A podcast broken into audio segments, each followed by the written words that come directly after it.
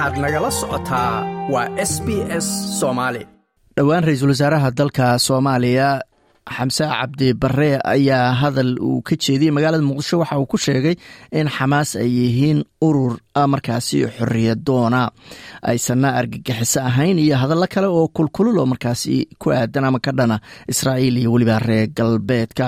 Haddaba aragtiyada qaar ka mid a aqoon-yahanada magaalada melbourne ayaan weydiinay. Doctor cabdiraxmaan cali ayaan weydiiyey bal aragtidiisa ku aadan waxaana uu yiri su'aashan in badan waa waa lagu hadalhayaa dadka meelihii ay maaragtay ra'yigiis ku weydaarsanayaan.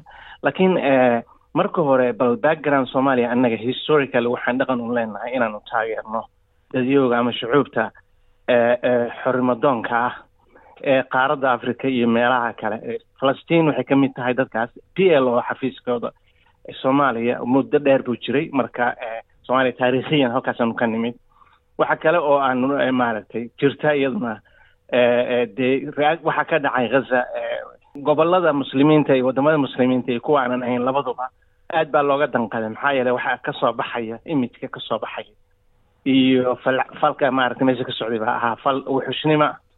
Marka ra'iisul wasaare xamse waa waa nin wadan maaragtay wadanka wax badan shaqa shaqa muhiimna haya. Dhisanna maaragtay xagga aqoonta iyo maaragtay diiniga iyo maadiga labadaba. Taa horta waa ku mahadsan yahay shaqooyinka waddanka uu hayo. Hadalkiisa markaan u soo noqdo waxa weeyaan marka aad adigu view adiga personal view markaad qabtid iyo marka aad aad ku hadlaysid maaragtay maqaam dawli ah isaga waxa weeye waa third senior position of the government ama second aan idhaahdo marka baarlamaanka laga saaro madaxweynaha iyo isaga marka xukuumadda waa qofkii labaad ee meesha ugu sarreeya weeye. Hadalkiisa waxa weeye wuxuu yeelanayaa influence iyo wax badan buu yeelanayaa culays weyn buu yeelanayaa. Marka taa waxay dhahay inuu ku daro xisaabta xoogaa emotion buu ahaa waxaa jira darteed. Marka kuma saxsanayn infact taasaa see kooban haddaan u soo qeexo. Kuma saxsanayn inuu maaragtay statementga stronga ah maaragtay isagoo dowladda ku masalaya uu yidhaahdo maaragta waxaa ka habboonayd luqadda ingiriisiga waxaa la dhahaa kelmado waxaa jira veg language la vega waxaa la dhahaa wax generate ah oo ma garanaysaa wixii marka aad ujeeda meel loo qaadi karay marka hadduu odran lahaa annaga shacuubta falastiin waanu maaragtay waa taageeraynaa waana maaragtay waa taageeri doonaa ilaa xori general adeeg general statement baa ka habboonayd marka taas waxaan dhihi lahaa ra'iisul wasaaraha maqaamkiisa isagoo eegaya waxa uu maaragtay hadalkaasi hadal wuxuu ahaa oo saameyn ku yeelanayo maaragtay gobolka khaasatan annagu soomaaliya. Marka soomaaliya haddaad aan u noqono waxa weye raad buu nagu yeelanayaa maxaa yeelay waxaan waddamada u nugul in la farageliyo siyaasiyan iyo dhaqaale ahaan ma madax banaanin jawaabtaas waxaan dhihi lahaa ra'iisul wasaaraha ma ma habboonay statementka strongiga inuu saaro xamaas oo lagu tirinayo meelo kale. Waa gartay dad baa dhihi kara ama qaba ra'iisul wasaaruhu wuxuu ka turjumaya ama hadalkiisu ka turjumaya dareenka guud ee shacabka soomaalida ay qabaan. Dadkaas saas ku doodaya soo ma saxsana ha maya. Labadaas waa dhihi kara ha iyo maya. Waa saxsan yihiin sababto a waxa weeye waa general view haddaan shucuubta haddaan nahay soomaaliga dhaqan ahaan aan qabno weeye laakiin marka ay dowlad ahaan timaado waxa maaragtay waa waa laga saxsan yahay. Viewga shacabka waa laga saxsan yahay. Siyaasadda dowladda la raacaya iyo danaha soomaaliya ay leedahay inay gaarto baa la raacaya. Maxaa yeele dadka general publica ah inta badan architectiga siyaasadda soomaaliya iyo meesha u socotay meesha loo wado inta badan wax badan waa adag tahay inay wax badan ka fahmaan. Laakiin qofka ku dhex jira ayaa fahmaya dynamiga politicska ee soomaaliya danaheeda inay ku gaarto la rabo. Waa garta marka ugu dambeynta soomaaliya markaad fiirisid xaaladda hadda ay ku jirto dagaalka israa'iil dowladda israa'iil dalalka reer galbeedka oo dhan taageero buuxday u muujiyeen. Soomaaliya weli waxay ku tiirsan tahay taageerada dalalkaas reer galbeedka markay noqoto dhaqaale iyo amison lacagteedu ay bixiyaan iyo sidee u saameynayaabay kula taha marka xiriirka dalalkaas? Hadalka ra'iisul wasaaruhu dabcan waa saameynayaa waddamada reer galbeedka iyo gobolka wada carabta waddamada carabta. Labaduba waa saameynaya khaasatan carabta khaliijka markaan idhaahdo waa saameynaya sababtoo ah hadalkaasi waxa maaragtay culays maaragtay saaraya xamaas oo markaa iyadu ay iiraan iyo maaragtay halkaa siyaasadda reer galbeedka. Halkaas wey meesha laiska maaragtay sartu ka qurunsan tahay marka taas waa saameyn soomaaliya markaan u soo noqono yes waxa weye marka turkiga laga reebo financially waxaa taageerada ay ka helaan waddamada galbeedka khaasatan e u da u k iyo america marka waa waa saameyn aad bay u badanta inay saameyn ku yeeshaan. Laakiin wa waxaa dhici doona will wait and see waay kaasina wuxuu ahaa doctor cabdiraxmaan cali oo markaasi aragtidiisa ka dhiibanaya hadalka ra'iisul wasaaraha. Dhanka kalena waxaan weydiiyey cumar dhowlawaa oo isaguna aan weydiiyey su'aasha bal aragtidiisa ku saabsan arrintaas waxaana uu yidhi wallahi waxaan u arkaa inuu inuusan ku khaldanayn marka loo fiiriyo dhibaatada meesha ka jirta. Ma hubo inuu arrintan ay tahay arrin ay ahayd ama tahay inuu la wadaago madaxweynihiisa ayna ka yeeshaan mowqif midaysan wixii laga yeelayo ama wixii laga oranayo laakiin waxa uu ka hadlayaa waxa weeye arrin dadka soomaalida ahi badankood qabaan at least ninety percent or more in dadkan dhibaatada loo geystay ay tahay mid aan aan aan aan aan qiyaasnayn aan laga fiirsan aan u dhigmin wixii iyagu ay u geysteen dhinaca kaleeto. Yes iyaga laftooda way dagaalameen dad bay laayeen dad bay haystaan laakiin marka loo fiiriyo khasaaraha iyaga loo geystay wax loo barbardhigi karo waxa iyagu ay sameeyeen ma aha wax human la qaadan karana maaha waa gartay. Marka hadalka ra'iisul wasaaraha inkastoo la dhihi karo sidaad sheegtay aragtida dad badan oo soomaaliyu ka turjumaa saameyn ma ku yeelan kartaa arrintani xiriirka dowladda soomaaliya ay la leedahay? Dalalka reer galbeedkoo gaar ahaan si aada u taageersan israa'iil soomaaliyana kaalmooyin iyo fara badan ku leh. Wallahi anigu saa uma arko. Haddaan waaqicigii jiray oo traditionalka laga tegey ninkan wuxuu dhiibtay fikrad fikraddu waxay ahayd sida israa'iil ay ula dhaqantay dadka maxaa la yidhaahdaa falastiiniintaha inay ahayd si siyaada ah. Dhibaatada loo geysta dhibaato.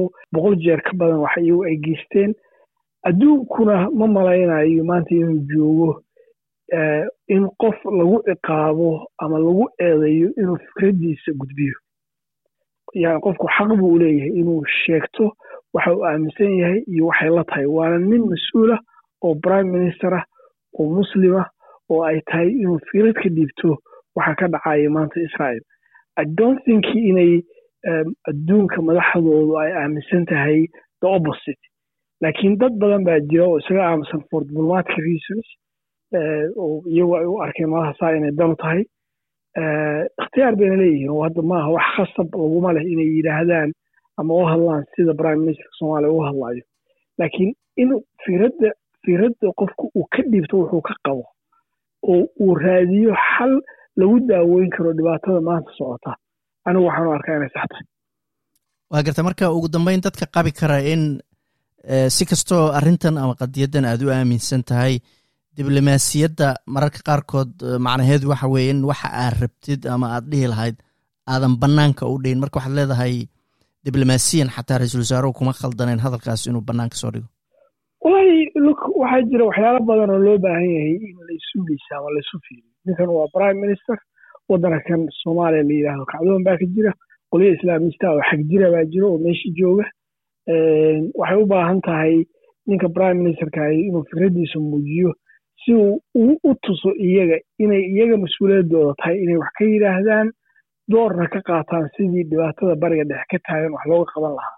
Haddii taasu ayan dhicin aniga aragtideeda and i think that's where they coming from iyagu waxay ka dhigi karaan dadka soomaalida iyo madaxda soomaalida ah kuwa aan waxba ka duwanayn madaxda israa'iiliyiinta saa darteed ninka prime ministerka oo soomaaliya ah waxaa loo baahan yahay inuu isticmaalo language mararka qaarkood xanaf leh ama xanuun leh si uu xaqiijiyo inaanay gudaha dalka wax kacdoonay ka kicin uuna u muujiyo dadka dhinaca kale taagan wax aada xagjirka u ah in inuu yahay yani inuu wado inuu ku taagan yahay can dariiqu mustaqiim oo uusan nina u ogolaanayn qofna u ogolaanayn qof muslima inuu ku laayo kaasina wuxuu ahaa cumar adhoolawaa haddana waa qaybtii labiyo tobnaad ee barnaamijkeenii barashada afka ingiriiska Hello and welcome to the SBS Learn English podcast, in which we help Australians to speak, understand, and connect.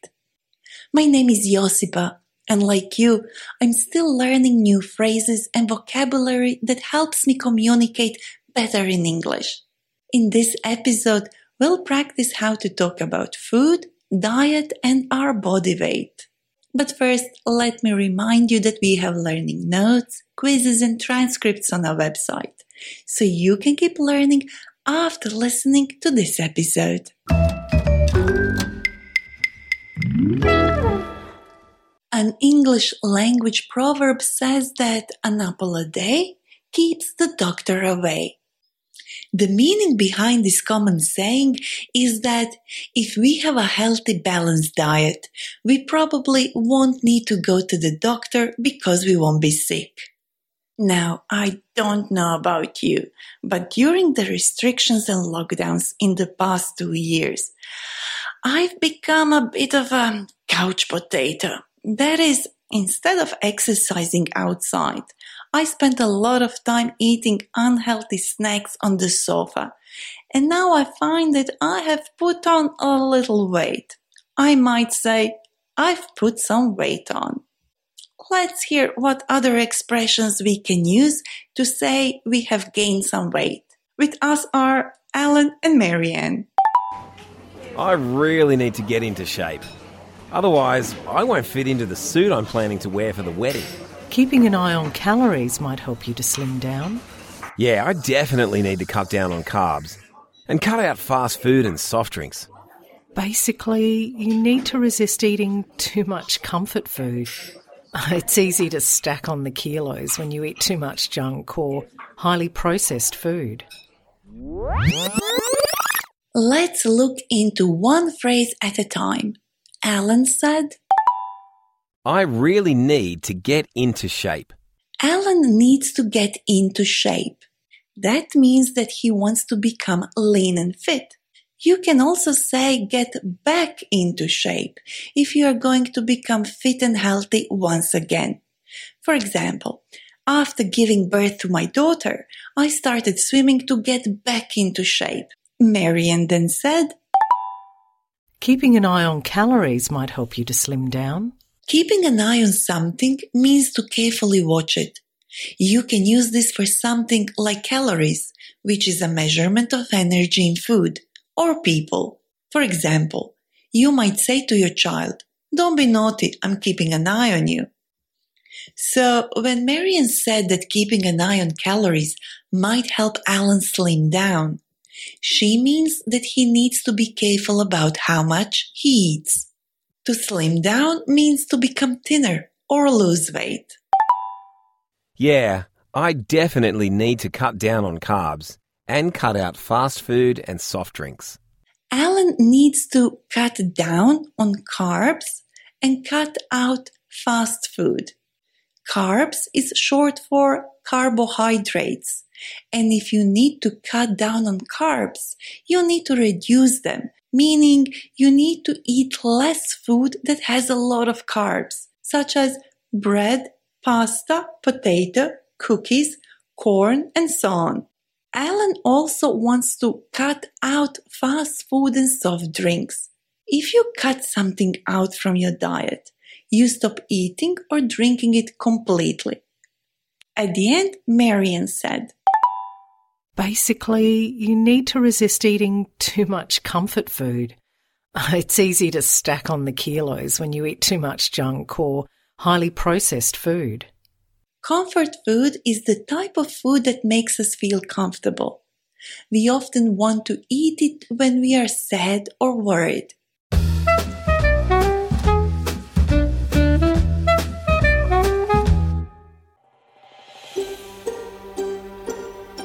Ma doonaysaa sheekooyinkan oo kale? Ka dhegayso apple podcast google podcast spotify ama meel kasta oo aad bodkastigaaga ka hesho